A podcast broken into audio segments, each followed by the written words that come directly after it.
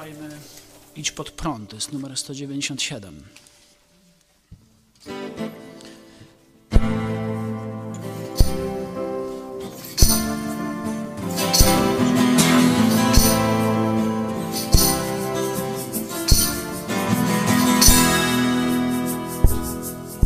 Do góry podnosimy wzrok, by wyruszyć starszy jeden krok.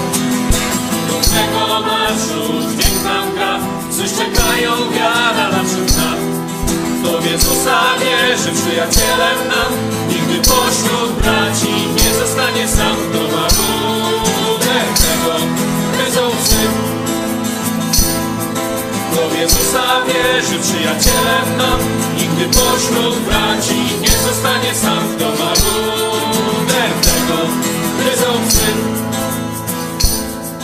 Chciałby pojąć nas ten cały świat i zazdrości nam za grzechów praw. Nienawidzą jedni, inni kochać chcą, nam to jedno wymówimy wciąż. Na Golgocie przelał Jezus krew i odwrócił od nas słuszny Ojca gniew. Kto nie wierzy w nieba, pójrzy w rok. Na Golgocie przelał Jezus krew i odwrócił od nas słuszny Ojca gniew. Kto nie wierzy w nieba, pójrzy w rok. Co zaciągło wzywa dzisiaj święty Pan Od zarania wieków wciąż jest sam Znajdzie życie każdy, kto zaufa Mu I na zawsze z Bogiem będzie już Polską ścieżkę wybierz. Idź po prąd Na szerokiej drodze Wjeżdża ci swą Za ślepymi pójdziesz Padniesz w dół. Polską ścieżkę wybierz. Idź po prąd Na szerokiej drodze Bije czar ci swą Za ślepymi pójdziesz Padniesz w dół. Teraz zaśpiewajmy jeszcze Niech Bóg prowadzi nas, to jest numer 192.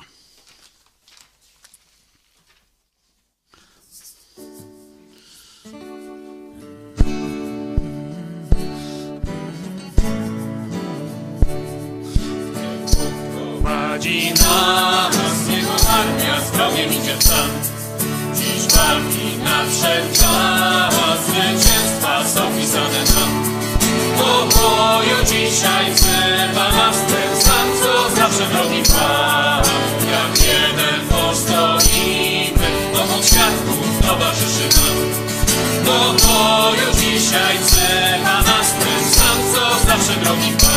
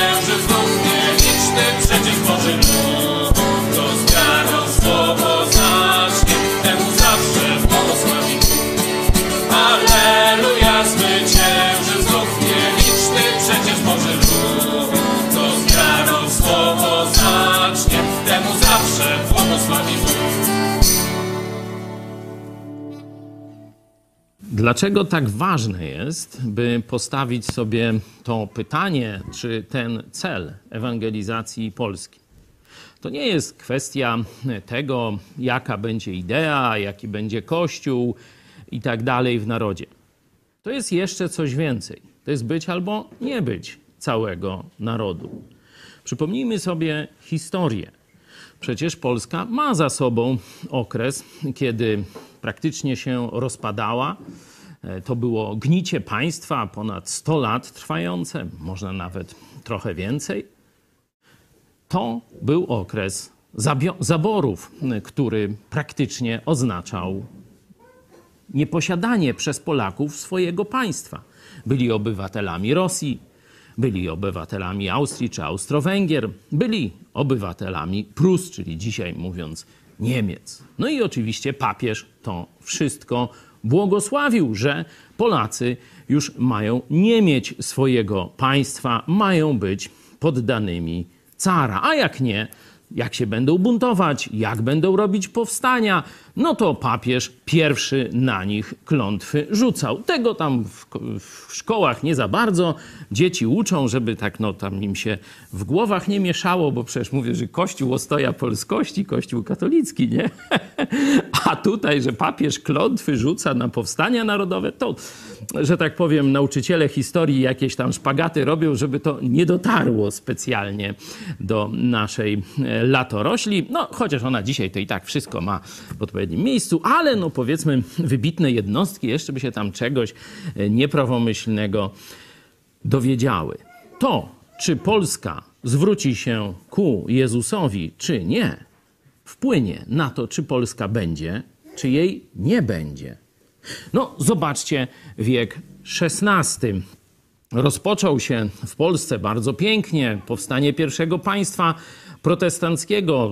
Wszyscy znają hołd pruski Matejki 1525. No to wcześniej już e, prace nad tym, żeby doprowadzić do tego e, trwały e, kilka lat. Pierwsze podkreślam, protestanckie państwo w świecie powstało na ziemiach polskich i następne 50 lat można nazwać złotym wiekiem e, naszego królestwa. Złotym wiekiem. Nawet nie cały XVI, widzicie, choć w przybliżeniu często się mówi, że to XVI wiek był tym złotym wiekiem. W rzeczywistości to gdzieś było 50, może 60, 70 lat to maksymalnie, kiedy e, Polska rzeczywiście rozwijała się i e, była, można powiedzieć, takim świecącym punktem na mapie, jedynym świecącym punktem na mapie, punktem wolności i pokoju religijnego. I pokoju religijnego. Ten czas skończył się, kiedy Hozjusz, później zrobiony prymasem, to był biskup wtedy warmiński, sprowadził jezuitów na ziemię polskie. Można powiedzieć, że w tym momencie zaczyna się kontreformacja, chociaż oczywiście ona jeszcze na razie w, w, tych latach 1564, bo wtedy, wtedy jezuici przybyli e, do Polski, no to tam jeszcze parę lat zanim się ogarnęli, mniej więcej 10. Potem jeszcze doszedł arcykatolicki król Zygmunt III Nocnik, ja go nazywam, bo z wazą to on mi się nie kojarzy, ta statuja na głównym placu Warszawy to jest po prostu hańba. To był król, który przyniósł na nas wszystkie nieszczęścia. Jeszcze siłą swego ogromnego militarnego i gospodarczego rozpędu za jego panowania podbiliśmy Moskwę, ale ze względu na jego katolickie zabobony i fanatyzm nie umieliśmy tego militarnego i politycznego zwycięstwa wykorzystać. On, chcąc realizować politykę Watykanu, chciał zmusić szlachtę rosyjską do przejścia na katolicyzm, co się skończyło wypędzeniem polskiej załogi, pokonaniem z Moskwy, pokonaniem Polaków i e, potem zaborami, kiedy państwo moskiewskie, dzięki, można powiedzieć, głupocie katolickiego króla i jego jezuickich załóżników, e, wzrosło do ogromnej potęgi, która praktycznie do dzisiaj zagraża światu. Także zobaczcie, mieliśmy 50-70 lat zbliżania się do Jezusa, do Słowa Bożego. Wtedy Polska, można powiedzieć, była najpiękniejszym państwem świata, najlepszym państwem świata. Wszyscy, nawet Żydzi, mówili, że to jest wręcz dar od Boga, że Polska jest dla nich rajem.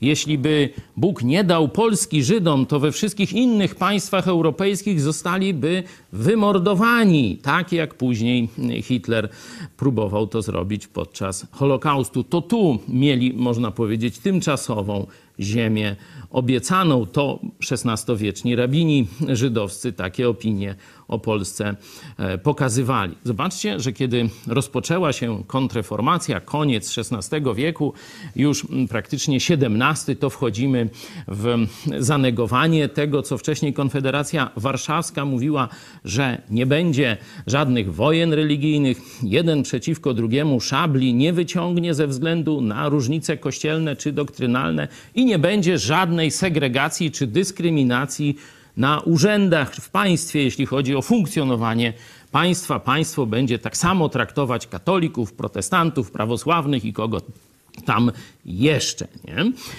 To wszystko było cechą Złotego Wieku. Potem rozpoczęła się katolicka dominacja. I pamiętacie, tu takie pytanie, zobaczcie, w roku 1612 jesteśmy e, w Moskwie, a co dzieje się w połowie wieku XVII? Pamiętacie? Najeżdża nas maleńka Szwecja. Ile Polska miała e, ludności w tamtym czasie? Strzelam około 9 milionów. Historycy niech mnie poprawią. Ile? 9-11, no bo tam granice to się ciągle zmieniały, w sensie na naszą korzyść wtedy, e, coraz bardziej na e, wschód. Ile miała Szwecja w tym czasie? Trzy. Normalnie jakiś, no jak z Goliatem, Dawid z Goliatem, nie? Trzy do dziesięciu powiedzmy. I kto zwyciężył w tej wojnie? No Szwedzi. Weszli jak w masło. To właśnie film po to pokazuje. To jest owoc katolickiej kontreformacji. Państwo przestało istnieć, już nigdy nie podniosło się. Wygoniliśmy Szwedów, to wielkie dziesięcio czy więcej milionowe państwo. Wygoniło tam niewielki, przecież stosunkowo szwedzki, e, szwedzki no ten kontyngent zbrojny Przecież nasze, nasze zdolności wojskowe były wielokrotnie, wielokrotnie większe. Przecież ogromne zamki, wspaniałe posiadłości magnatów, armie magnackie niekiedy, można powiedzieć, dorównujące e, siłą części oddziałów tam e, szwedzkich.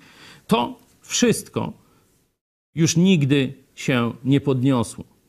Po potopie szwedzkim Polski można powiedzieć, już jako tej potęgi, zarówno militarno-politycznej, jak i też potęgi wolności, potęgi idei już nie ma. Nie trzeba było, można powiedzieć, 50 lat, żeby Polska upadła i już się nigdy nie podniosła. Najpiękniejsze państwo świata zostało przez jezuitów, przez Kościół rzymskokatolicki zniszczone, bo odeszło od Boga. To zresztą jeden z głównych takich ideologów jezuickich tamtych czasów, ksiądz Piotr Skarga, mówił wyraźnie do polskiej szlachty. Zakładam, że on był szczery w tym, co mówił i powiedział: Pójdziecie za fałszywym Bogiem, czy za fałszywymi bogami. Wasze państwo pójdzie w ruinę, a wasze dzieci w niewolę. To powiedział Skarga czasie tych swoich kazań sejmowych. Nie pamiętam tam w którym, możecie sobie sprawdzić. I co historia pokazała? Polska poszła za katolickim Bogiem. No, nawet za bogami, bo y, przecież królową Polski w czasie potopu kto został?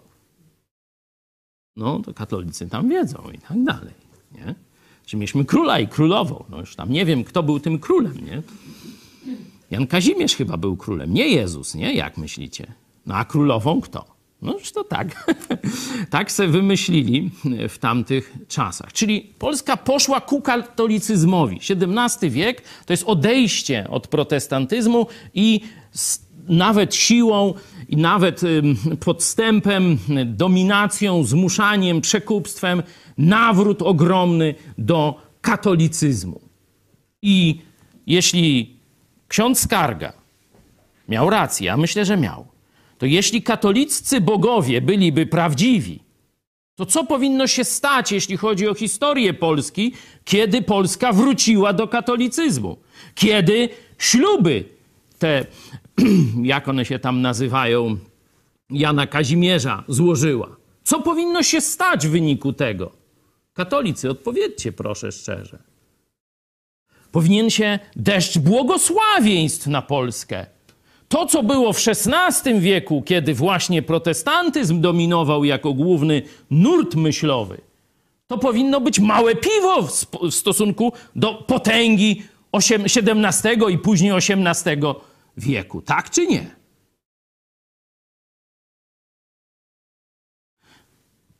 A może, i tu zgroza na katolików idzie, ksiądz Skarga miał rację, tylko Bóg, fałszywy i prawdziwy, im się pomylił.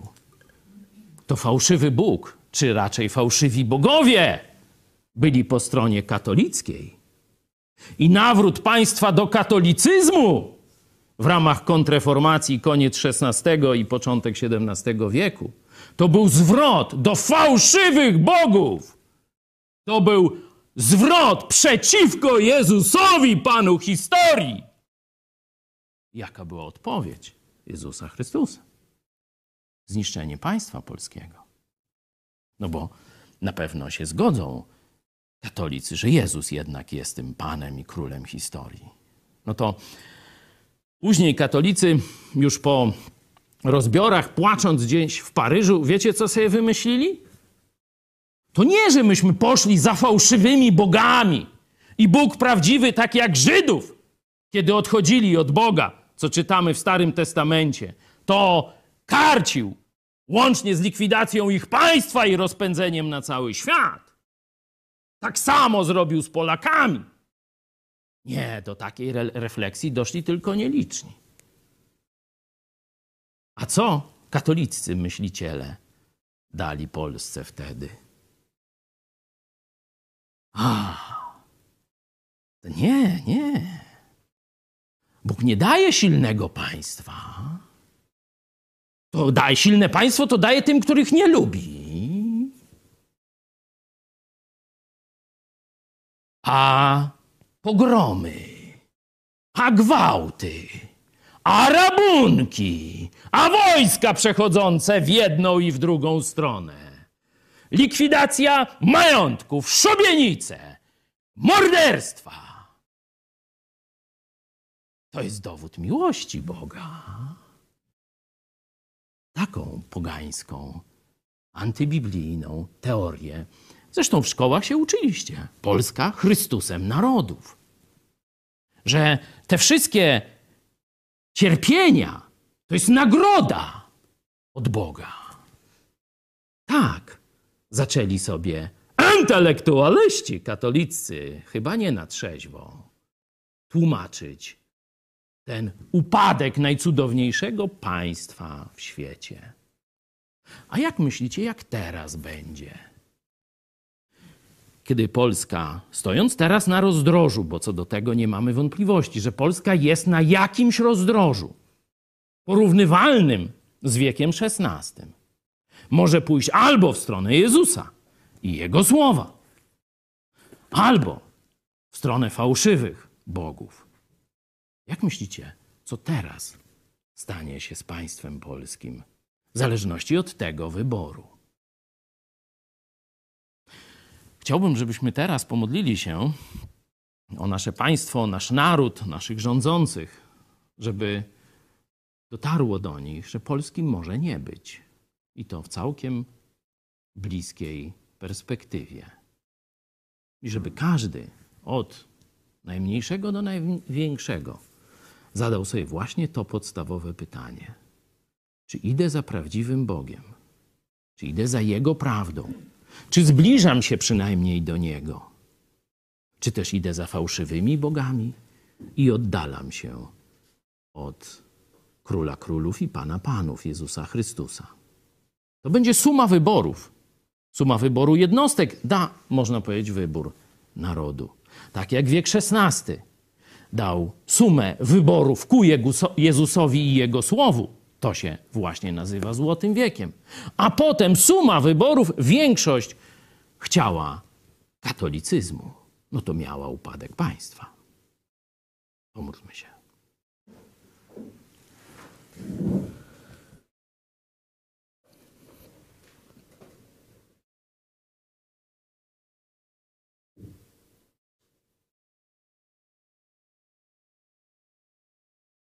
Kochany Ojcze, prosimy Cię, byś dał naszemu narodowi szansę jeszcze raz zwrócenia się do Twojego słowa i do Twojego syna, by porzucił bałwochwalstwo katolickie, by porzucił zabobon, ciemnotę, niewiarę i skierował się do źródła życia, do Jezusa Chrystusa, naszego Pana i Zbawiciela. Prosimy Cię. Prosimy Cię, Panie.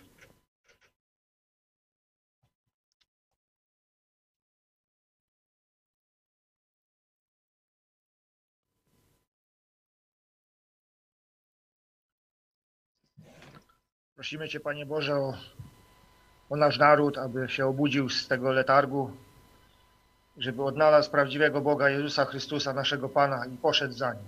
Prosimy Cię, Panie. Prosimy Cię. Prosimy Cię. Prosimy Cię, Panie, aby, aby Polacy przejrzeli na oczy, aby obudzili swoje sumienia, swoje dusze, aby uwierzyli Twojemu Słowu, zobaczyli także w, jakim, w jakiej ciemności żyją, aby chcieli prawdy, aby chcieli, abyś, Panie, zamieszkał w ich sercu. Prosimy Cię, Panie. Prosimy Cię.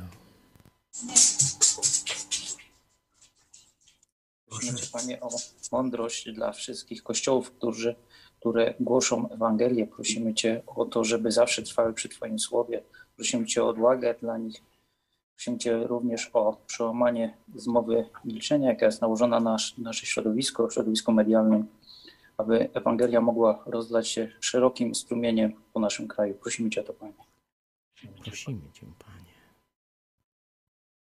Prosimy Cię, Panie Jezu, o mądrość dla naszych rządzących, aby kierowali się Słowem Bożym dla Twojej chwały i dla dobra współobywateli. Prosimy Cię, Panie. Prosimy Cię, Panie.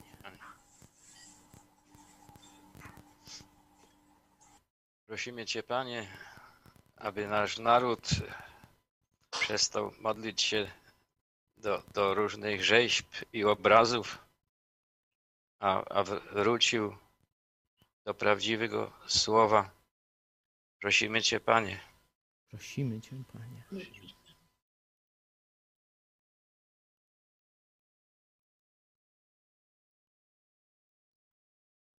Panie, Ty dałeś nam wolną wolę.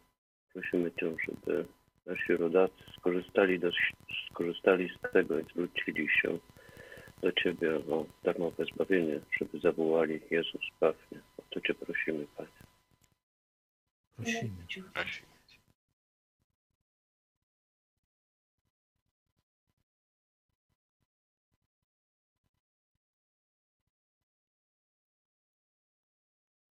Prosimy Cię, Panie, abyś obudził sumienia ludzi, którzy u nas sprawują władzę, aby zrozumieli, że ich powinnością jest dbanie o naród, a, a nie o swoje interesy. Prosimy Cię, Panie. Prosimy Cię, Panie. Drogi Panie, prosimy Cię, byś używał nas e, do narzędzi swoich do ewangelizacji naszych rodaków. Do tego też, aby skłonić ich do autorefleksji nad tym, jaką drogą podążają. Prosimy Cię, Panie. Prosimy Cię.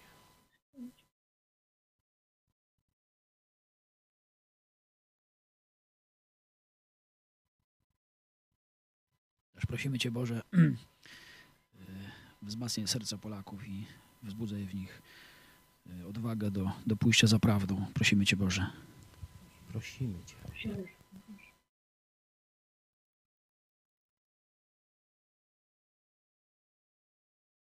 Cię również, Panie, żeby ten proces, który się teraz toczy, żeby służył do, dla Twojej chwały. To Cię prosimy, Panie.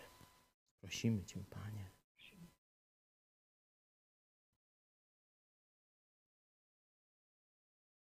Prosimy Cię, by Twoje słowo, które będziemy teraz czytać, żeby głęboko dotarło do naszej świadomości, żeby dotarło też do później, do tych innych, którzy jeszcze myślą w sposób dziecinny czy wrogi Tobie.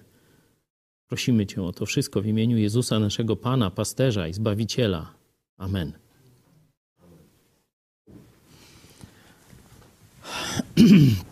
Chciałem dzisiejsze nasze rozważanie, cel Polska, oczywiście chodzi o ratunek Polski przez jaka jest droga do tego ratunku właśnie przez zwrot ku Jezusowi Chrystusowi. Jeśli Polska jako naród zwróci się w kierunku Jezusa Chrystusa, nie oznacza to, że wszyscy się nawrócą. Wystarczy kilka procent, ale to da, można powiedzieć, falę, która spowoduje, że wszystko zacznie się uzdrawiać w państwie polskim. Od, można powiedzieć, Izby Skarbowej, przez prokuratury, sądy, rządy, sejmy i tak dalej, i tak bo klucz jest w duchowym w duchowej kondycji każdego człowieka.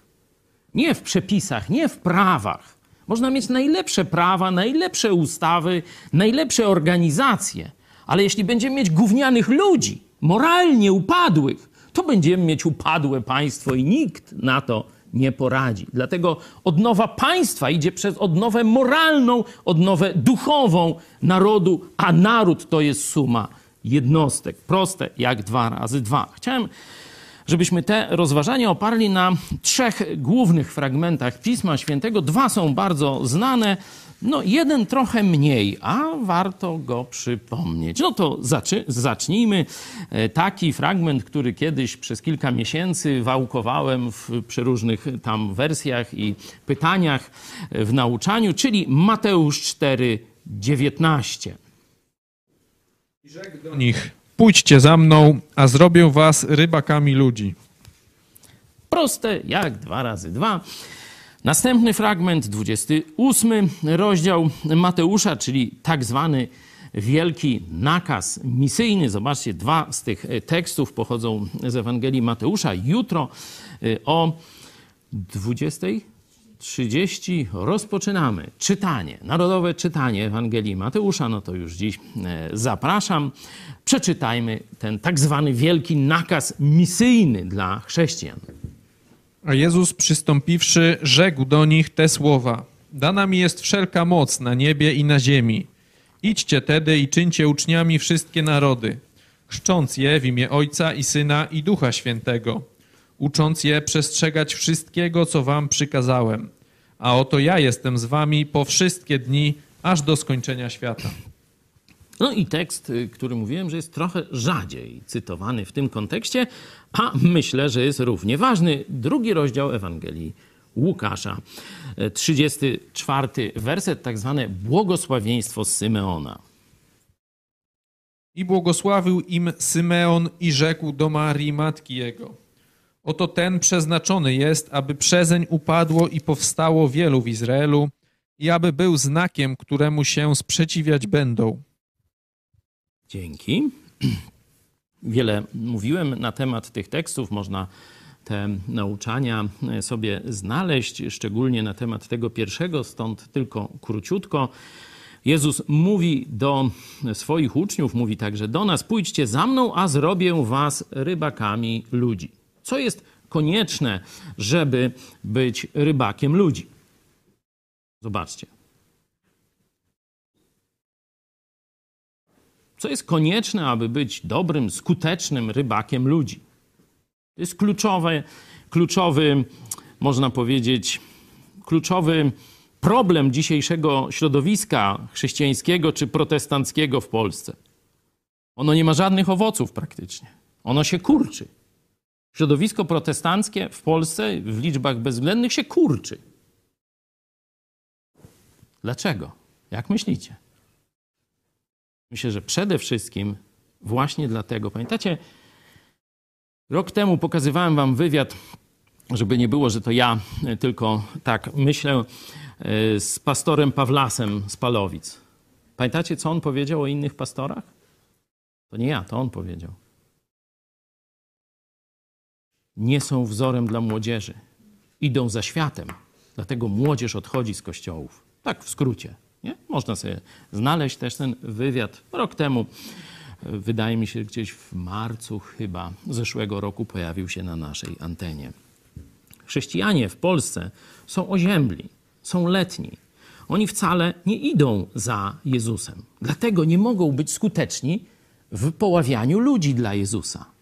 Nie? Bo zobaczcie, pójdźcie za mną.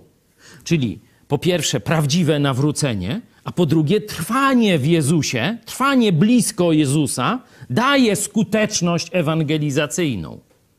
Jeśli spora część polskich pastorów to nie są chrześcijanie, bo nie znają Ewangelii. Zobaczcie sobie kazania, kiedy oni mówią katolicką wersję Ewangelii. Że jak jesteś w porządku wobec Boga, to jesteś zbawiony, zrobisz coś tam nie wiadomo co, tracisz zbawienie. Pamiętacie przecież tę wersję z katolicyzmu. Stan łaski uświęcającej, tuż po spowiedzi, nie? A potem, no tam już tego, no to znowu do spowiedzi i wańka wstańka i tak dalej. Nie? Czyli pierwsza rzecz, oni w ogóle nie rozumieją Ewangelii, no bo ich kazania są antyboże. No to jak mogą, jeśli nie rozumieją Ewangelii, to najprawdopodobniej sami nie są zbawieni. Bo głoszą fałszywą Ewangelię. No to co, dla siebie by inną przyjęli, a głoszą inną? Zakładam, że oni taką samą fałszywą Ewangelię przyjęli. Czyli oni w ogóle nie są zbawieni. No to jak mają łowić dla Jezusa, jak sami jeszcze nie są złowieni? Dalej, drugi problem. Jeśli człowiek idzie za Jezusem, to jest wrażliwy na to, co Jezus wskazuje. Jezus mówi: O, zobaczcie, o, wiosna idzie, pąki już bez puścił, już agrest puścił, już porzeczki. Wiosna idzie, panie sierżancie. To Jezus dał taki, taką analogię. Jeśli będziesz blisko Jezusa, będziesz widział, co się dzieje w świecie zewnętrznym. Będziesz umiał rozpoznawać znaki czasu. O, teraz trzeba tu zarzucić, a teraz trzeba tam zarzucić. A teraz nie tu, bo tutaj już żadna ryba nie weźmie. Trzeba spakować sieci i łódki i przejść na ten akwen. To będzie widział Boży pasterz. Dlaczego ich nie ma tam, gdzie są ryby? Dlaczego nie mają sukcesów ewangelizacyjnych? Bo po pierwsze, są tylko uzurpatorami, to znaczy nigdy nie przyszli do Jezusa osobiście i nie idą za nim blisko i nie rozpoznają znaków czasu. Nie wiedzą, gdzie ryby biorą, inaczej mówiąc. Pójdźcie za mną, a zrobię was rybakami ludzi. No, trzeci powód to może być jakaś e, taka trochę dziecinność, no ale to też jest związane z chodzeniem z Jezusem, że oni nie rozumieją, że Kościół musi cały czas obserwować świat i patrzeć, co się zmienia w narodzie i cały czas zmieniać metodę ewangelizacji. Treść Ewangelii jest cały czas ta sama, a metody są różne. Tak jak muzyka kościelna. Nie? Ktoś tam się będzie jeszcze dzisiaj y, rajcował Bachem czy jakimiś innymi, ale większość, ile osób słucha Bacha? Niech podniesie rękę. Wiem, że Radek ostatnio słuchał. Nie, tobie nie wierzę. Radek słuchał jakieś połady, ale nie wiem, czy Bacha akurat, nie? Też, o. No jeden na tam kilkadziesiąt osób, nie?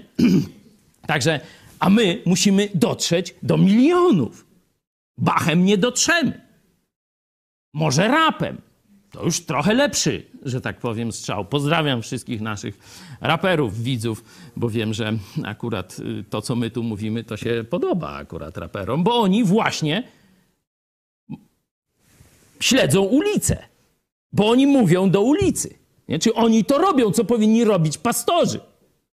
No, dobra, miałem krótko. To, to kończę.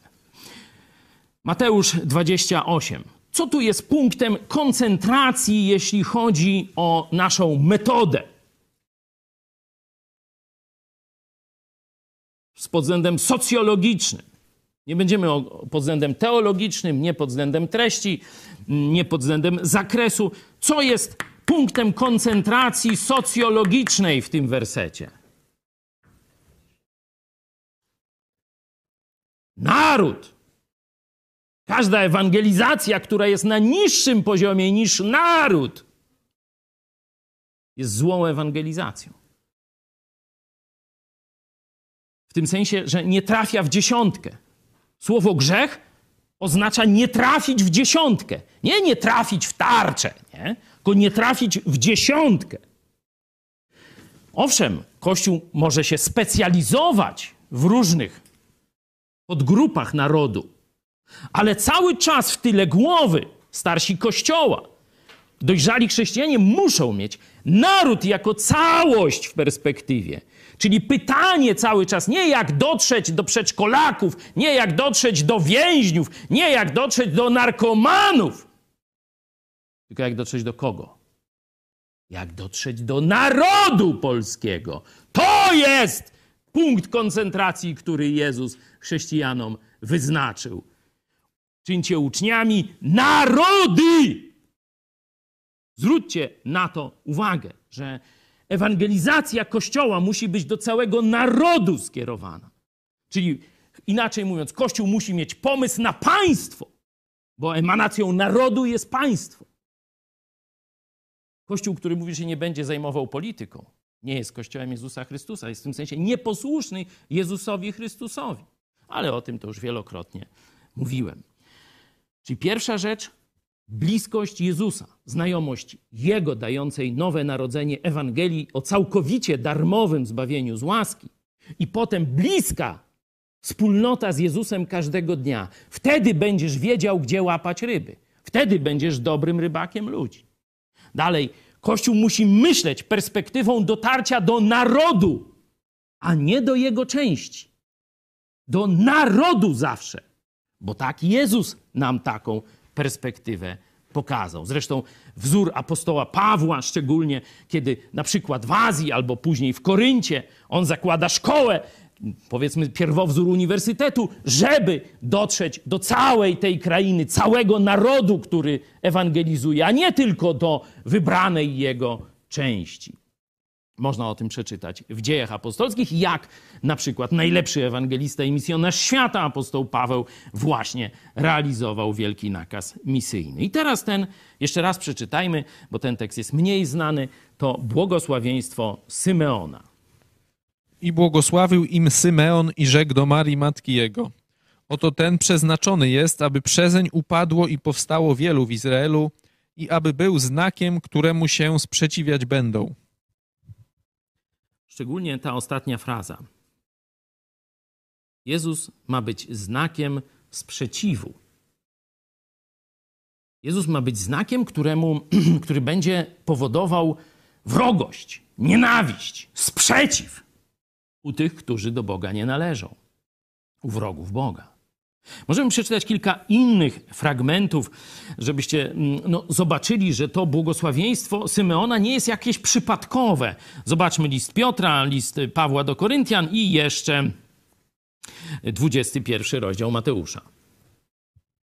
Pierwszy list Piotra, ale też kamieniem, o który się potknął i skałą zgorszenia. Ci, którzy nie wierzą słowu, potykają się oń, na co zresztą są przeznaczeni. Pierwszy list do Koryntian. My zwiastujemy Chrystusa ukrzyżowanego, dla Żydów wprawdzie zgorszenie, a dla pogan głupstwo. 21, 42. Rzecze im Jezus, czy nie czytaliście nigdy w pismach, kamień, który odrzucili budowniczowie, stał się kamieniem węgielnym. Pan to sprawił i to jest cudowne w oczach naszych. Szersza gama innych jeszcze określeń, odrzucenie, e, skała e, zgorszenia, głupstwo, zgorszenie, nie? pojawiają się bardzo podobne określenia. Znak sprzeciwu to jest początek Ewangelii, początek, e, no, pojawienie się Jezusa, jeszcze noworodka i już to proroctwo o nim. On będzie znakiem, któremu sprzeciwiać się będą. Jak myślicie? To jest pytanie teraz do chrześcijan, szczególnie z innych kościołów, którzy nas słuchacie, czy Jezus, którego głosicie, wywołuje rzeczywiście takie reakcje w otoczeniu? Sprzeciw, nienawiść, odrzucenie, zgorszenie, wyśmiewanie, że to głupstwo. No, Jezus zapowiedział, że tak będzie, Symeon zapowiedział, apostołowie zapowiedzieli, że tak będzie. Jeśli wasze głoszenie nie spotyka się z taką reakcją, to być może głosicie fałszywego Jezusa. Być może głosicie jakiegoś Jezusa pozbawionego tych cech, które powodują zgorszenie u innych ludzi. Jakież to mogą być cechy? Zastanówmy się przez chwilę. Proszę o Wasze propozycje. Jakie cechy może mieć Jezus, którego głosi się w niektórych czy w części kościołów, który już nie budzi sprzeciwu, a wręcz jest tam, że tak powiem, przyjmowany, o fajnie, dary też przyjmiemy, może być. Jakie, jakich cech może być brak temu Jezusowi, który głoszony jest w lukrowanych, e, dalekich od Jezusa kościołów? Proszę o propozycję.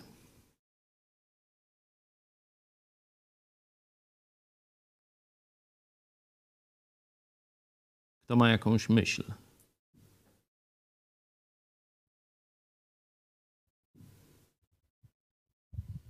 Może taka wy, wyłączność, nie? że tylko Jezus zbawia. To dzisiaj, jak to się podkreśli, to o, ogień leci. Tak. Nie ma zbawienia w żadnej religii. Nie ma w katolicyzmie, nie ma w prawosławiu, nie ma w buddyzmie. Wymień sobie, co chcesz. Zbawienie jest tylko w Jezusie Chrystusie. Czyli my nie mówimy jako jeszcze jednej propozycji, nie? że jest wiele ofert na rynku, wiele dróg prowadzi na górę tam Fidżi czy coś takiego, nie? Tylko jest jedna droga. Jest tylko Jezus Chrystus. Wszystkie inne drogi są drogami fałszywymi. Czy tak głosi Twój Kościół? Czy to Ty głosisz? Dzięki. Czy coś jeszcze? No jeszcze na przykład to, że Jezus jest tak dobry, że nikogo nie pośle do piekła.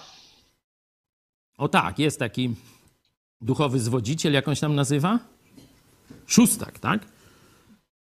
To on właśnie takie dyrdy mały ludziom. I rzeczywiście ludziom się to podoba. No boż taki Jezus, który jest dobrym kumplem, który przyjdzie, cię pocieszy, pogłaszcze, a nigdy nie skarci, nikogo nie odrzuci, wszystkich przygarnie, nieważne co robią, co myślą, w co wierzą. To piękna wizja dla tych ludzi. Nic nie muszę zmieniać, on niczego ode mnie nie chce, bo i tak wszyscy będą zbawieni. Nie chcę żadnej zmiany, nie chcę nawrócenia. A nawrócenie to jest metanoja, cały mój umysł ma się zmienić. Nie? Dzięki. Piotrze. Czyli chrześcijanie, kościoły przestają mówić o potępieniu. Jeśli nie uwierzysz w Jezusa, to pójdziesz do piekła. Noż po co mówić o piekle? Coż to, to, to takie niemodne, to budzi sprzeciw u ludzi. Noż to dobrze, bo przecież Jezus ten sprzeciw zapowiedział. Jeszcze? Że Jezus mnie kocha takim, jaki jestem. Tak. To jest półprawda. Bo rzeczywiście Jezus umarł za grzeszników. Nie? Czyli Jezus kocha najgorszego Jaruzelskiego, Hitlera, Stalina i, i Xi Jinpinga, czy, czy jak to Hitlera. No kocha go, chce go zbawić, ale chce go też zmienić. Czyli ciebie też chce zmienić. Chce dać ci Ducha Świętego, abyś wreszcie zerwał z grzechem. Także to jest i, i prawda, i fałsz, zależnie jak kto sobie to zinterpretuje. Dlatego mówienie w ten sposób jest zdaniem niejasnym, a Ewangelia ma być głoszona w jasnej formie.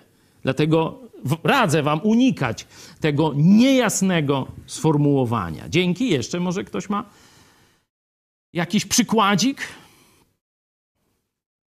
Jest świadectwo Doroty na naszym y, kanale, która jak pierwszy raz usłyszała, już nie pamiętam gdzie, że Jezus powyganiał y, przekupniów. Nie? Skopał kilka tyłków, inaczej mówiąc, takim językiem wojskowym. To mówi, jak to? To przecież ja w innego Jezusa całe życie wierzyłem. Jakieś dzieciątko, jakieś, jakieś takie właśnie, taka nimfa, która tam wszystkich właśnie tylko otacza ciepłem i, i welonem swym i tak dalej. A tu skopał kilka tyłków. To jest inny Jezus. I wtedy zaczęła jej się droga do prawdziwego Jezusa.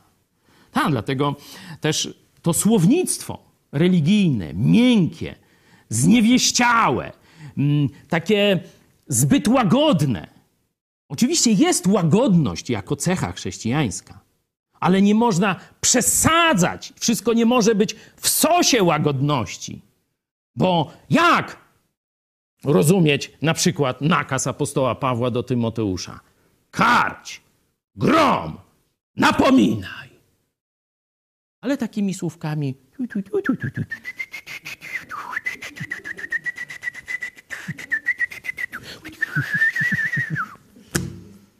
No przecież to trzeba tak powiedzieć, żeby człowiekowi w pięty poszło, nie? Inaczej się nie zrealizuje tego nakazu. Oczywiście nie można przesadzać, nie można epatować i tak dalej, to wszystko prawda. Ale w zależności do kogo mówisz, jak on jest zabetonowany, na przykład jak jest cienka warstwa błota na murzyńskiej chacie, no to wystarczy młotkiem puknąć i pęknie, nie? Ale jak już jest pokrywa betonowa na szambie, jeszcze z żelbetem, żelbet, zbrojony beton, to co potrzeba? No już nie mówię dynamitu od razu, ale przynajmniej młot pneumatyczny trzeba, żeby ruszyć. Dlatego w zależności do kogo mówisz, do jakiego środowiska mówisz, do jak zasklepionych w grzechu, głupocie, nieświadomości ludzi, to musisz użyć albo młoteczka, albo młotu pneumatycznego. To jest oczywista oczywistość dla każdego rybaka. Jeszcze coś? Komuś przyszło na um? Jeszcze jest głos z czatu Agata Kowal.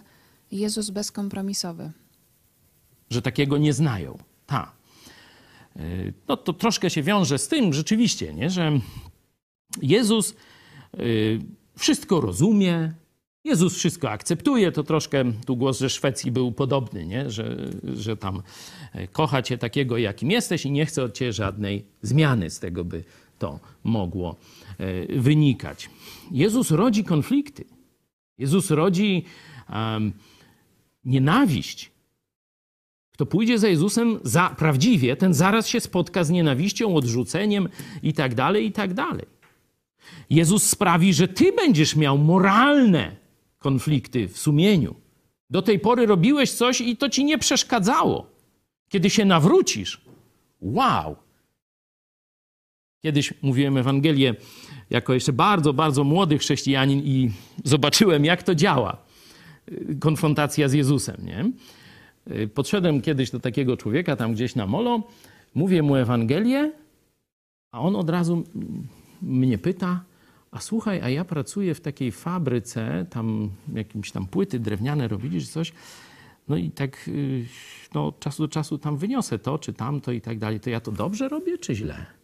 On jeszcze się nie nawrócił, ale samo, samo obcowanie z treścią Ewangelii, z tego, co ja mu mówiłem o grzechu, o sprawiedliwości i o sądzie, a Duch Święty to potwierdzał w jego umie, znaczy umyśle, spowodowało, że on mnie zapytał, czy on może wynosić z fabryki tam, nie wiem, jakieś narzędzia, czy, czy coś tam jeszcze, nie?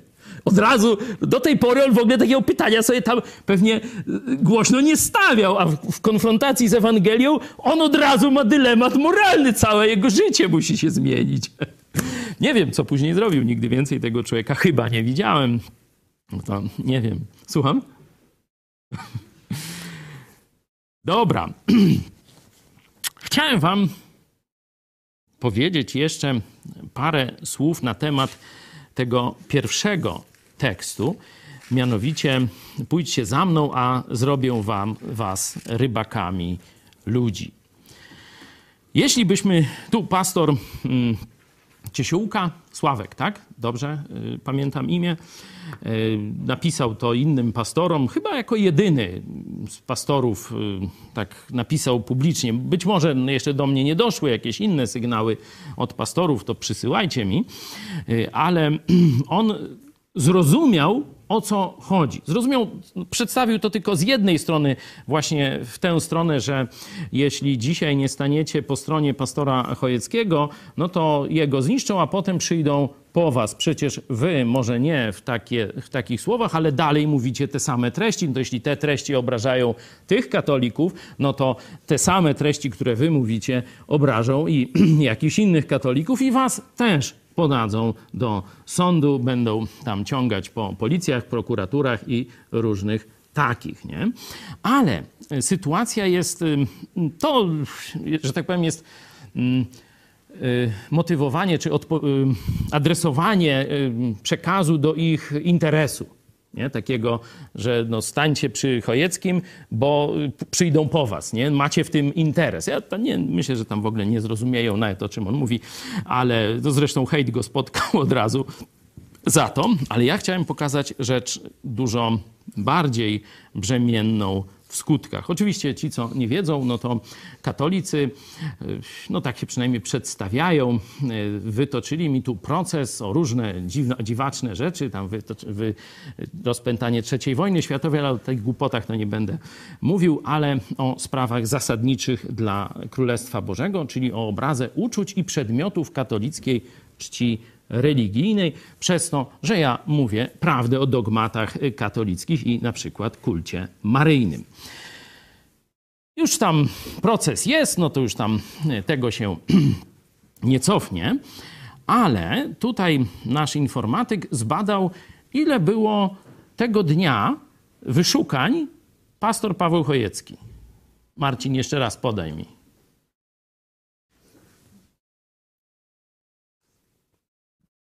To znaczy, jeśli chodzi o wyszukania, to była chyba liczba najwyższa od, od roku, a jeżeli chodzi o zasięg tych, tego y, hasła w sprawie, to było około 300 tysięcy według różnych tam, powiedzmy, systemów, które oceniają ten zasięg. 300 tysięcy ludzi w Polsce no, dowiedziało się o procesie jakiegoś pastora. Większość z nich zapewne wcześniej w ogóle nie słyszała o, o pastorach, o kościołach chrześcijańskich i tak dalej. To się stało w wyniku tylko działań mediów świeckich, no i naszego. Nie? Tylko media świeckie dały te 300 tysięcy osób i tam nasza telewizja tam dołożyła jakiś tam niewielki procent tego. A teraz zróbcie sobie taki test. Ile mediów chrześcijańskich w Polsce jest trochę tego? Nie? Ile napisało o tym procesie? To jest taki challenge dla tych, którzy słuchają nas z innych kościołów. Macie tam media baptystyczne, zielonoświątkowe, jakieś tam ekumeniczne, takie, śmakie i owakie. Ile mediów chrześcijańskich, takich nazwijmy roboczo, napisało o tym procesie? Mediów światowych napisało kilkanaście. Rzeczpospolita, wprost, fakt, ekspres jakiś, tak? Super Ekspres, o, przepraszam, i tak dalej. I jeszcze tam wiele, wiele innych, nie? Onet, Wirtualna Polska. A teraz zobaczcie sobie pierwszy artykuł, czyli redaktor Ferfecki z Rzeczpospolitej. I to jest Rzeczpospolita.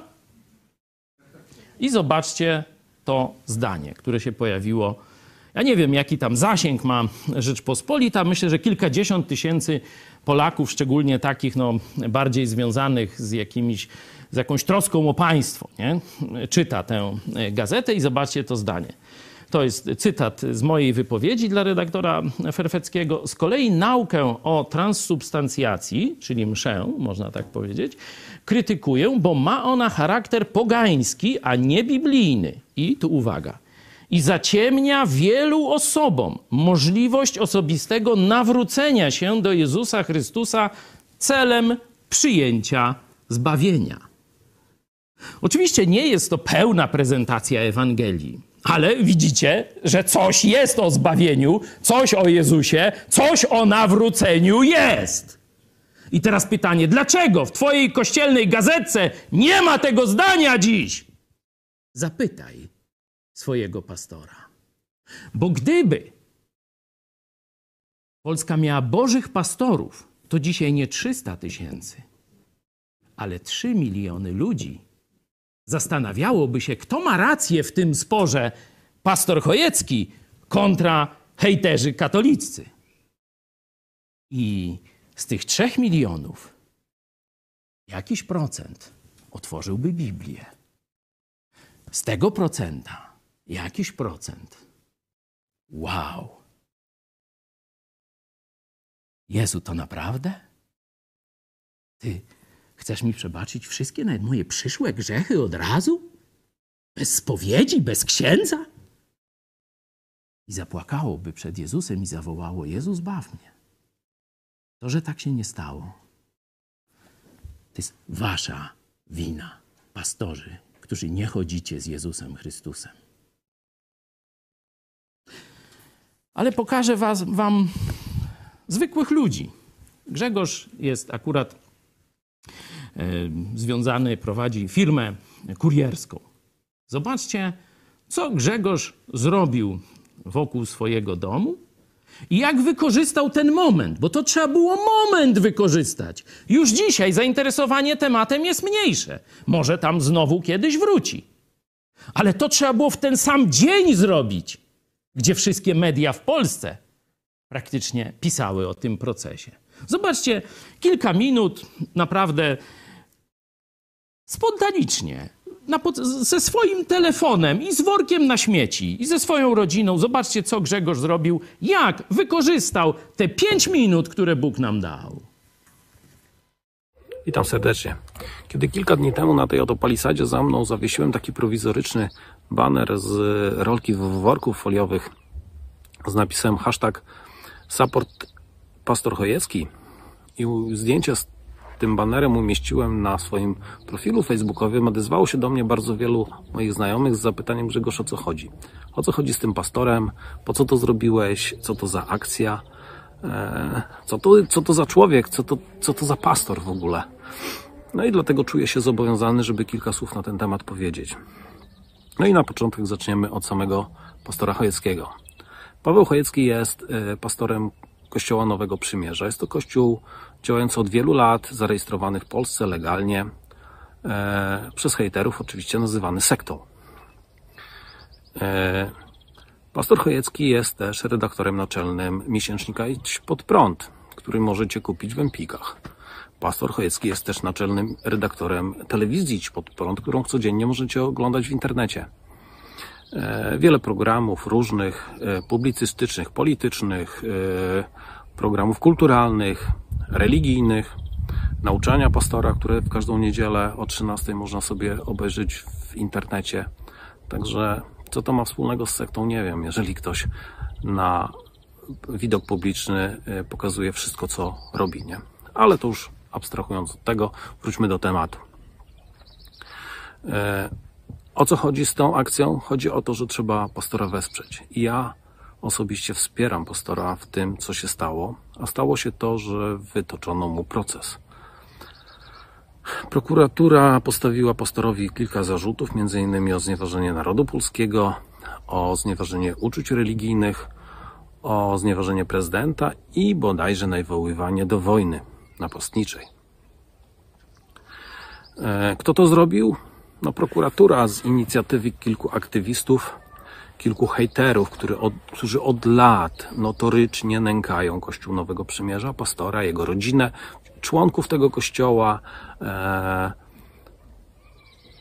no i dopieli swego i proces pastorowi został wytoczony.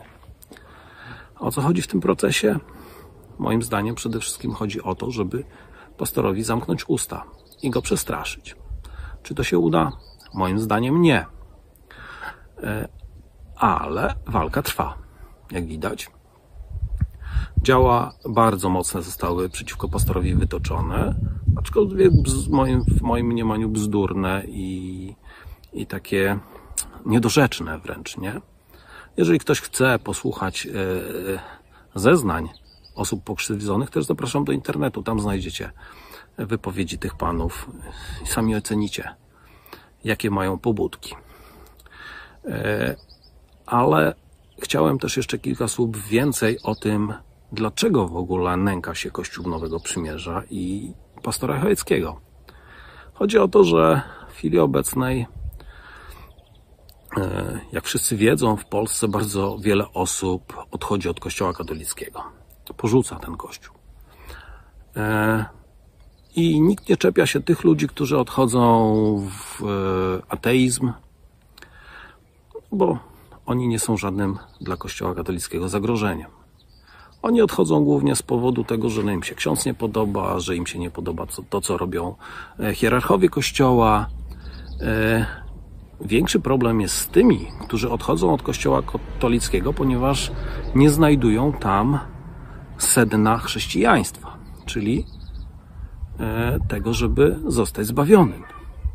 I uznają, że to, co do tej pory słyszeli w Kościele katolickim, jest po prostu nieprawdą. I co z tym wspólnego ma pastor Chojecki?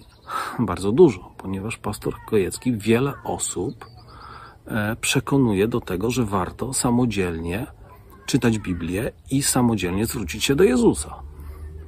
Czego Kościół katolicki nie chce, ponieważ jest pośrednikiem, tak uważa, uzurpuje sobie prawo do pośrednictwa pomiędzy Bogiem a ludźmi, a w teologii, którą głosi pastor Chojecki, my wcale żadnego pośrednika nie potrzebujemy. Wystarczy, że tylko zwrócimy się do Jezusa, On nas wysłucha. E, uznamy swoją grzeszność, przyznamy się do tego, że sami nie jesteśmy w stanie nic zrobić, żeby trafić do nieba. Jezus wybaczy nam nasze grzechy, przyjmie nas, przyjmiemy Go do swojego serca i jesteśmy zbawieni. Nie trzeba nam sakramentów, nie trzeba nam niczego. Trzeba nam tylko wiary. I to jest strasznie groźne. Strasznie groźne, bo o ile ludzie, którzy odchodzą w ateizm, nie są zagrożeniem dla Kościoła, o tyle ci, którzy odchodzą e, z pobudek e, właśnie związanych z tym, że nie widzą drogi zbawienia w Kościele katolickim, są dla tego Kościoła ogromnym zagrożeniem, ponieważ na prawo i lewo pokazują, że wcale żaden pośrednik nam nie jest potrzebny. I wracając do sedna sprawy, pastor Chojecki właśnie takich ludzi do siebie przyciąga. Ludzi szukających, szukających prawdy, a on im tą prawdę pokazuje i gdzie ją mogą znaleźć, że mogą ją znaleźć w Biblii. Po prostu wystarczy czytać i wszystko wiemy. E, co dalej? Dalej jest to, e, co jest z tym pastorem? Dlaczego on obraża uczucia, niby obraża uczucia religijne katolików? Ponieważ e, jako protestant głośno mówi, że sakramenty są nie do, do niczego niepotrzebne, że Maria nie jest, e, Maria Matka Jezusa, nie jest Bogiem i nie należy jej się żadna boska, e, boskie uwielbienie, nie? Ona jest zwykłą, zwykłym człowiekiem. Tak jak ja, ty, oczywiście wywyższonym przez Boga, tak? Ale zwykłym człowiekiem potrzebującym zbawienia. To się nie mieści wielu katolickom w głowie, ale jeżeli ktoś naprawdę chce poznać prawdę, to do tych wniosków w końcu dojdzie. I cóż, właśnie dlatego na mojej palisadzie na parę godzin zawisł e, taki prowizoryczny baner z napisem hashtag support pastor Chojecki. Zapraszam wszystkich do oglądania telewizji Idź Pod Prąd, do czytania miesięcznika Idź Pod Prąd i zapoznania się z tym wszystkim, o czym tutaj mówiłem. Dziękuję bardzo.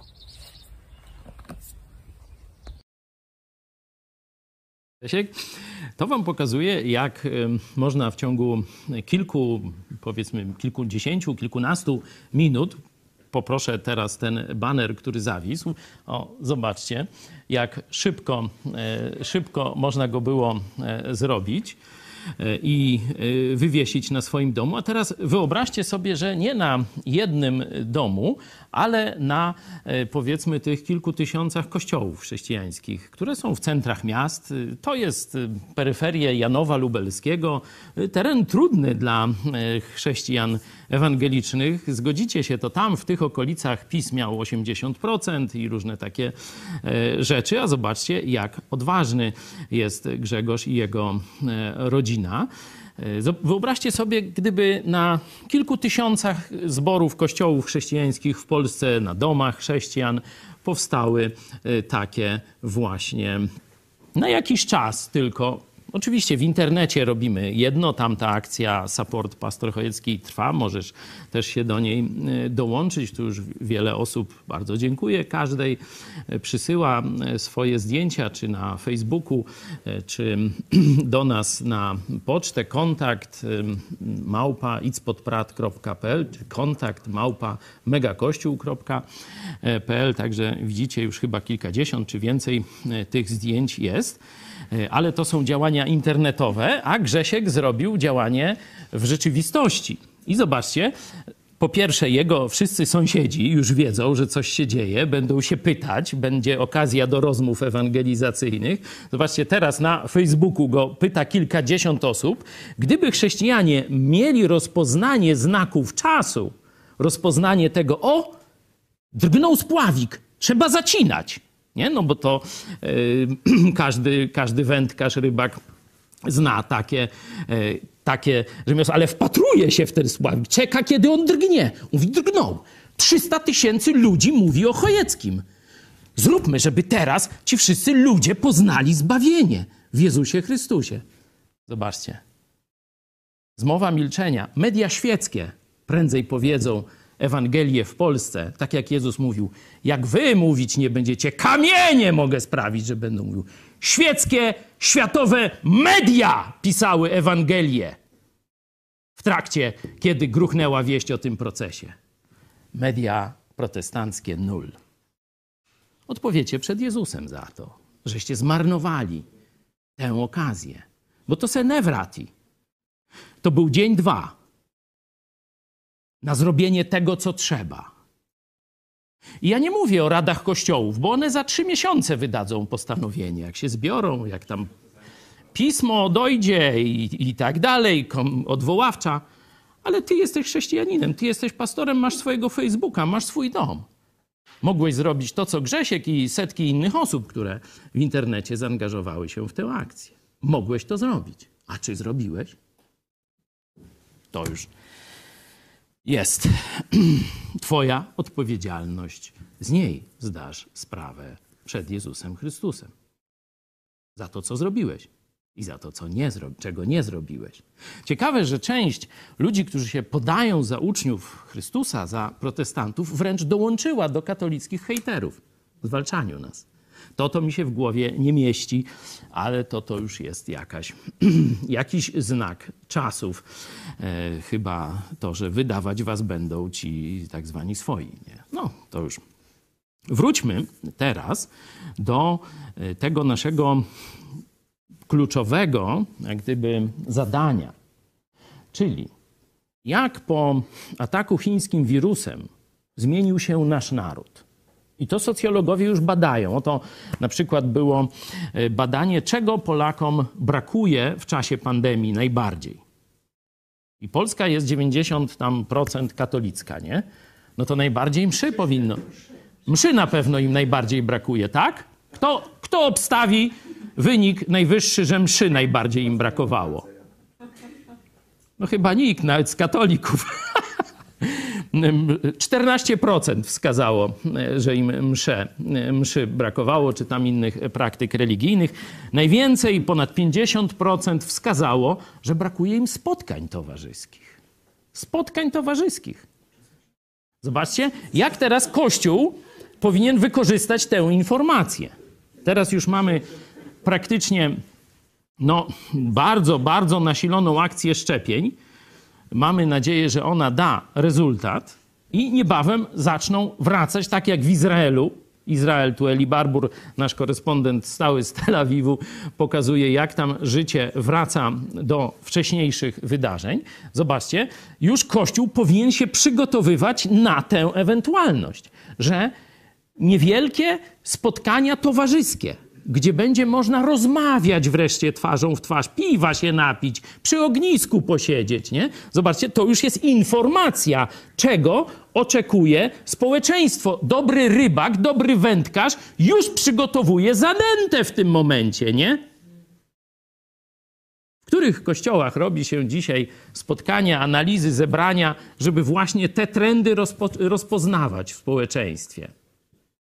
No, co więcej, możemy zapytać się, jakie, jak się zmienił Kościół w czasie pandemii. Macie jakieś propozycje? Bo pokazałem, za czym tęskni społeczeństwo. To oczywiście jest tylko wstęp do analizy potrzeb społeczeństwa i będziemy się tym zajmować na najbliższym zjeździe chrześcijan, ale spróbujcie zadać sobie teraz pytanie, jak Kościół się zmienił przez pandemię. Kościół chrześcijański, wspólnoty uczniów Jezusa, czy środowisko chrześcijan w Polsce.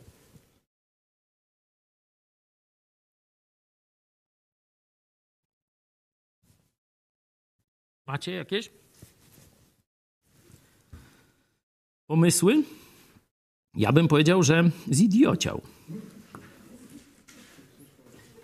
Oczywiście jest to pewna generalizacja i nie wszystkie, ale właśnie mówimy o pewnych trendach. Zdecydowanie za dużo chrześcijan wy, wy, wykazało się głupotą w czasie pandemii. Ilu chrześcijan nie wierzyło w wirusa? Ilu chrześcijan, zobaczcie na swoich Facebookach, swoich znajomych, nie wierzyło w pandemię?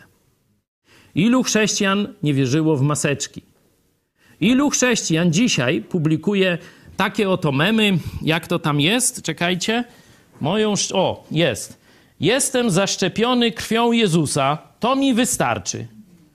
I żeby oni to mówili przeciwko mszy katolickiej, żeby oni to mówili przeciwko zabobonom katolickim, spowiedzi i różnych takich. Nie. Wiecie przeciwko czemu to jest grafika? Przeciwko szczepieniom. A do dentysty chodzi! A my jest ja! No zidiociałe kręgi chrześcijańskiej to całkiem spore. I to całkiem spore. Ja pokazywałem wam jakiś kościół zielonoświątkowy z Warszawy, który na początku pandemii nas wirus nie dotyczy, bo my mamy Jezusa. Noż co za... Mariana Kowalskiego brakuje. To by powiedział. Zobaczcie, w Starym Testamencie mikroskopów nie było, wiedzy medycznej nie było. A jak się pojawiał chory, nie chory, podejrzany o objawy trądu, to zaraz była izolacja do kapłana. U, niedobrze, na izolację na tydzień.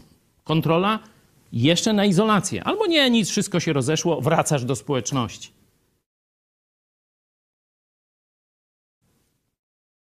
Apostołowie. To samo.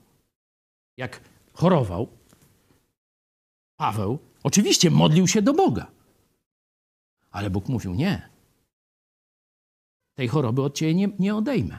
Albo kiedy apostoł Paweł przyszedł do na przykład Koryntian, czy przyszedł do Galacjan też. Widać, że miał jakieś tam problemy z oczami.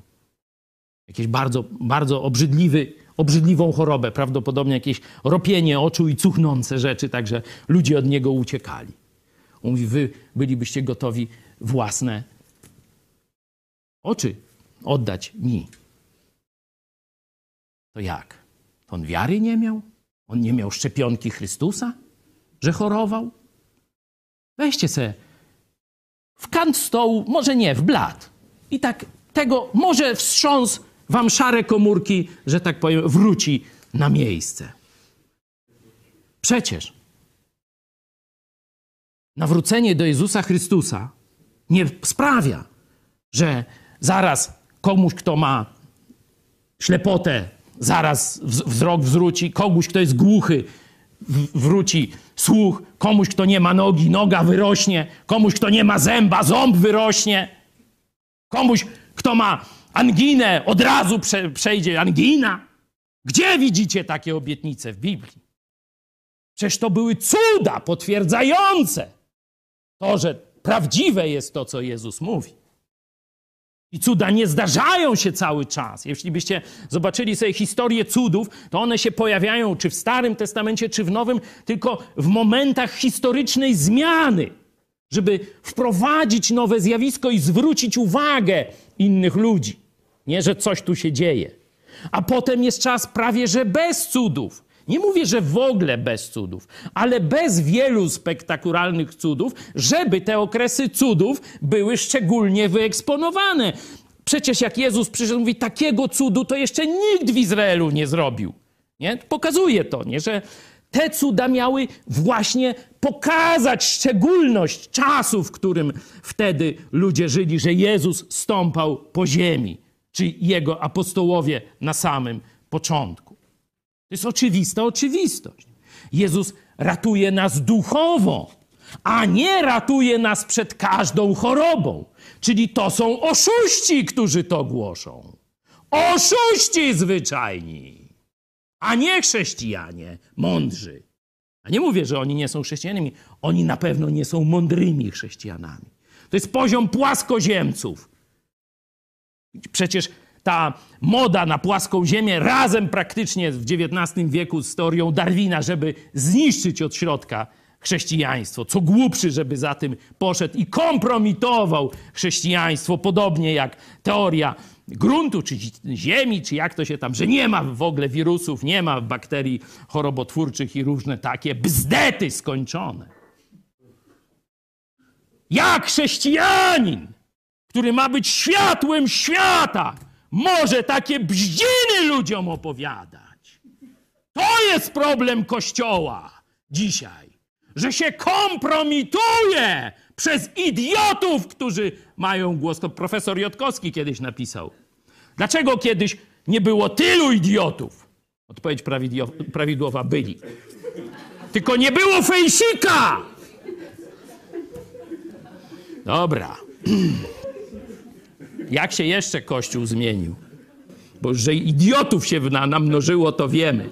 To pokazuje, jak słaba jest formacja intelektualna w Kościele.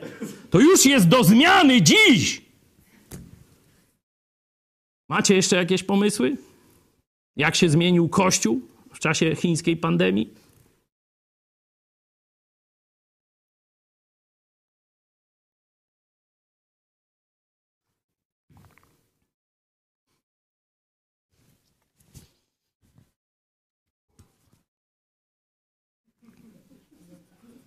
Nie ma chętnych?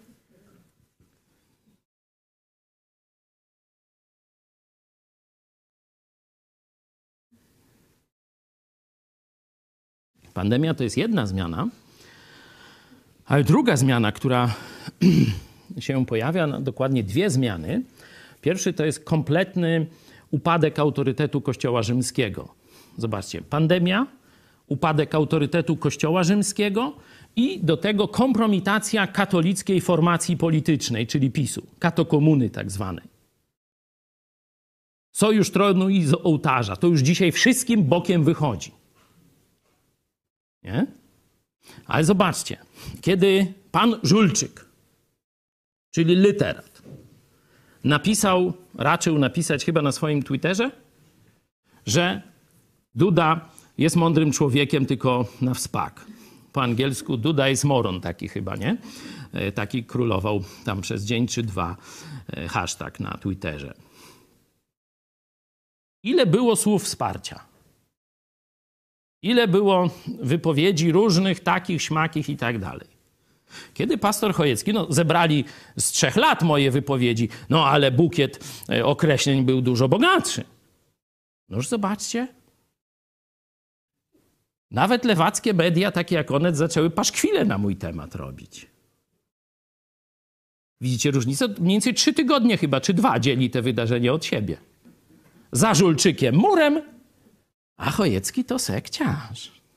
Nie? To też pokazuje, że nasze społeczeństwo cały czas, można powiedzieć, jest kontrolowane, bo to się dzieje w tych samych mediach. Nie? No, gdyby te media były swobodne, no to tak jak swobodnie poparły Żulczyka, tak swobodnie powinny poprzeć Chojeckiego. Nie? No proste jak dwa razy dwa. Nie? Czyli my musimy zdawać sobie sprawę, że żyjemy w świecie kontrolowanym, ściśle kontrolowanym. Dlatego powinniśmy po pierwsze myśleć, dobra, jak oni kontrolują tę rzeczywistość, to co ma zrobić Kościół? Co ma zrobić Kościół Jezusa? Jeśli Kościół Jezusa nie jest dopuszczany do tego kontrolowanego przez kogoś, już tam nie będę mówił przez kogo, świata mediów. Jakie byście antidotum zastosowali? Media są zamknięte dla Kościoła Jezusa Chrystusa. Media te głównego nurtu światowe. Co musi zrobić Kościół w Polsce w takim razie? Zbudować swoje media, które by do, dorównywały i poziomem graficznym, czy tam technicznym, i zasięgami mediom światowym, nie? Proste jak dwa razy dwa. Jak tam nam zamknęli, no to my musimy tu znaleźć, zbudować, można powiedzieć, przeciwwagę. I teraz, który kościół w Polsce dzisiaj to rozumie? Kto dzisiaj to robi? Kto dzisiaj wspiera telewizję Idź Pod Prąd?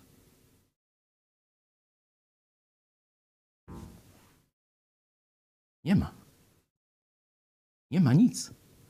Owszem, są niektóre programy religijne, tak zwane, czyli tylko czytające Biblię i tłumaczące ją, że tak powiem, w bardzo takim wąskim kontekście e, wzrostu chrześcijańskiego i tak dalej. To tu jakieś tam próby, powiedzmy, luteranie tam mają i tak dalej. Ale radio, czy telewizja, czy media, gazety, tam co, które by dotarły z aktualnym przekazem, że jak w świecie się dzieje coś, no to i w tych mediach chrześcijańskich się dzieje, tylko tłumaczą to z perspektywy biblijnej. Gdzie to macie w Polsce? Jest tylko telewizja Idź Pod Prąd. A gdzie są kościoły, które masowo wspierają telewizję Idź Pod Prąd? Czyli zobaczcie, to jest mentalność psa ogrodnika. To zresztą ten pastor, którego wspomniałem, to tłumaczy. Sami nie zrobicie, ale innych staracie się zniszczyć. Trudno. Trudna rada. Zrobimy co trzeba. Dlaczego? Dlatego, że Jezus nas wspiera, Jezus nas prowadzi, Jezus nam błogosławi. I dlatego z kuchni siedzimy już dzisiaj tutaj, a to nie jest jeszcze koniec naszej drogi.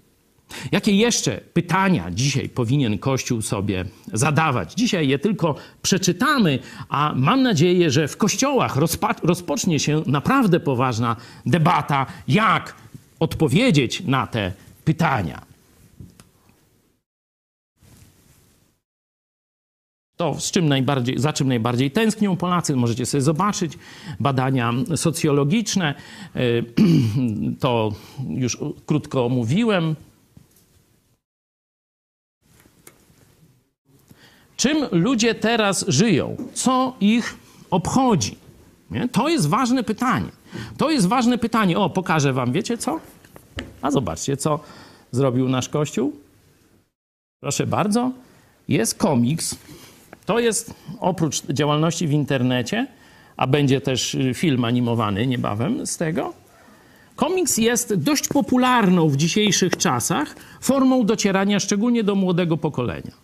Nie, ale też i tam Tytus Romek i Atomek też tam się starych trochę znajdzie.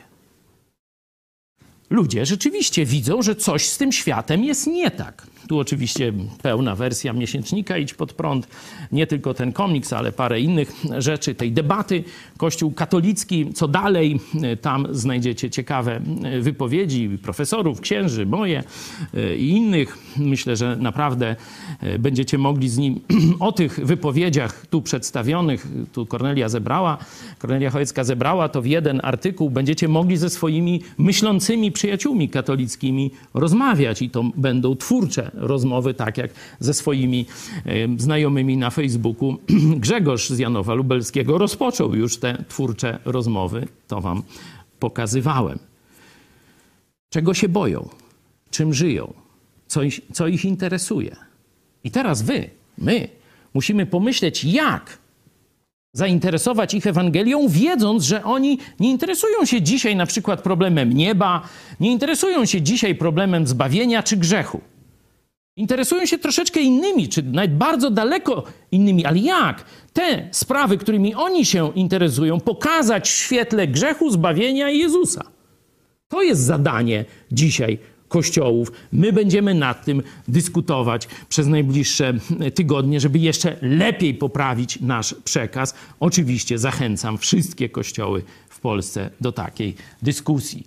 Co jeszcze? Mamy jeszcze jakieś pytania? Co się zmieniło? No to już trochę tydzień temu mówiłem, czy my, to już dwa tygodnie temu, mówiłem na kazaniu Możemy jeszcze więcej oczywiście analizować, to piszcie do nas, jeśli macie obserwacje, y, próby odpowiedzi na te pytania, piszcie do nas, kontakt małpa megakościół.pl. Będziemy brali te głosy pod uwagę. One wzbogacą naszą, naszą pulę wiedzy do takiej burzy mózgów, jak zmieniać formy ewangelizacji i funkcjonowania Kościoła na dzisiejszy czas. Czy taki wzrost liczby śmierci w Polsce zmienił Polaków? Zobaczcie, mamy już no, kilkadziesiąt tysięcy um, trupów, mamy pewnie kilkaset tysięcy ludzi ciężko dotkniętych, gdzieś mających no, albo nieodwracalne zmiany, albo ciężko odwracalne zmiany, że już parę tylko kroków mogą, oddychać nie mogą, spokojnie sportów wyczynowych nie mogą no, wykonywać. Czy to wpływa na myślenie? Czy nie powinniśmy, czy Kościół nie powinien teraz właśnie mówić też o cierpieniu? Jak sobie radzić z cierpieniem na przykład? Jak sobie radzić ze stratą bliskich? Przecież to kilkadziesiąt tysięcy ludzi. To są najwyższe, najwyższe ilości zgonów od czasu II wojny światowej. To Hitler mniej więcej, teraz Hitler, wtedy Hitler. Także tu problem śmierci też dla części ludzi wróci. Co po śmierci? Co się dzieje z bliskimi po śmierci i tak dalej. Tu kolejny, oczywiście już bardziej niszowy, niszowa grupa Polaków, ale jednak. Czy jeszcze mamy jak Polacy dzisiaj zaspokajają potrzeby duchowe, gdy przestali chodzić do kościołów. Nasi widzowie to mniej więcej jest, zobaczcie, tylko że my na parę lat przed pandemią, nie po pandemii czy w trakcie rozpoczęliśmy transmisję naszych spotkań chrześcijańskich. Zrobiliśmy to, nie wiem, pięć lat wcześniej? Czy jakoś tak? No dużo, no dużo. To widzicie, jak Kościół ludzi, którzy idą za Jezusem, rozpoznaje nawet przed czasem zapotrzebowanie na duchowe potrzeby. Jak to rozpoznaje? Możecie sobie historię naszą prześledzić i będziecie widzieć, będziecie mieć ocenę Jezusa Chrystusa. Po owocach poznajcie. Tyle? Czy mamy jeszcze? Oczywiście tych pytań można, e, te pytania można mnożyć, można ich jeszcze więcej stawiać, zadawać pytanie, e, pytania szczegółowe i tak dalej, i tak dalej.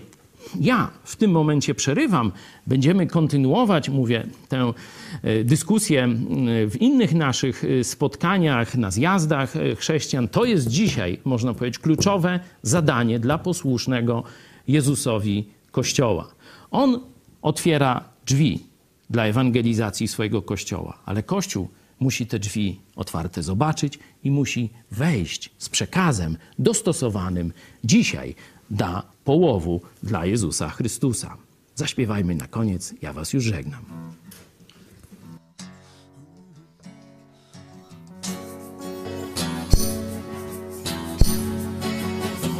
Króluje Jemu chwała i cześć. Nasz Pan potężny jak grom jego kroki, błyskawicą jego pieśń Nasz Pan on potężny jest.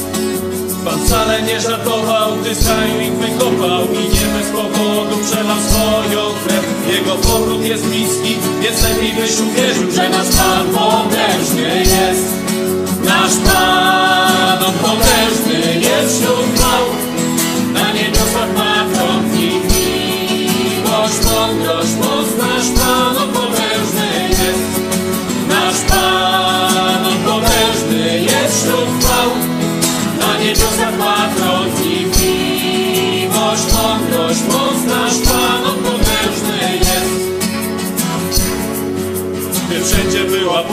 bez gwiazd Nasz Pan potężny jest.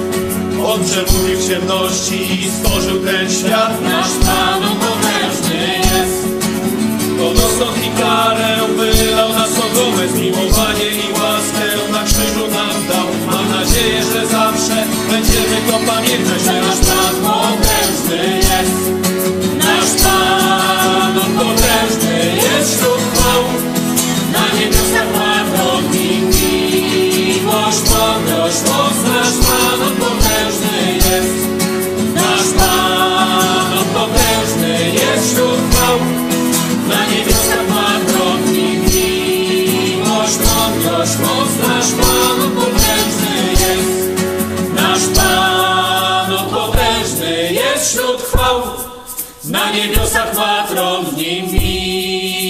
miłość, mądrość, moc Nasz Pan potężny jest.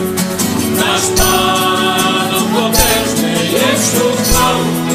Na niebiosach ma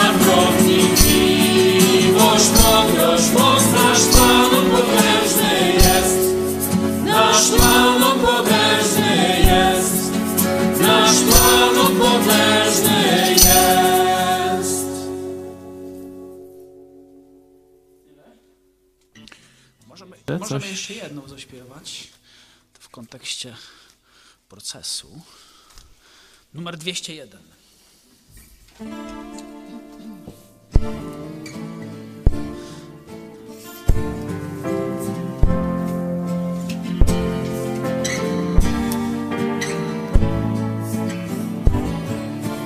Pan jest moim Bogiem, opoką stoi,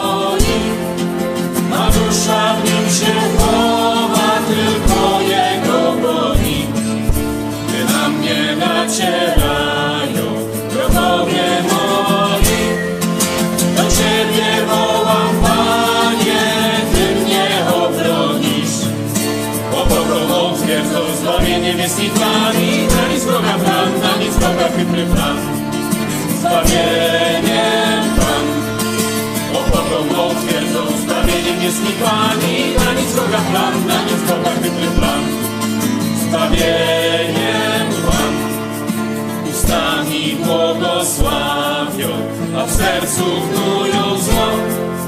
Na człowieka napadają, jak mord chcą. Lecz próżne ich starania, daremny cały trud. Przed nimi nie ochrania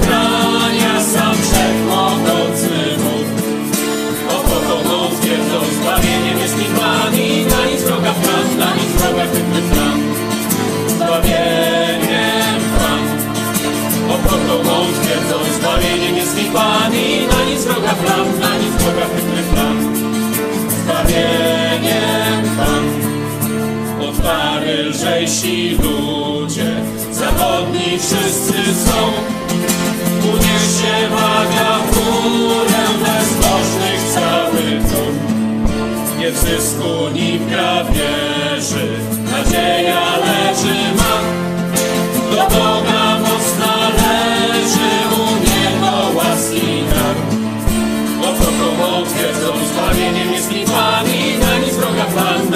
na przyszły czas.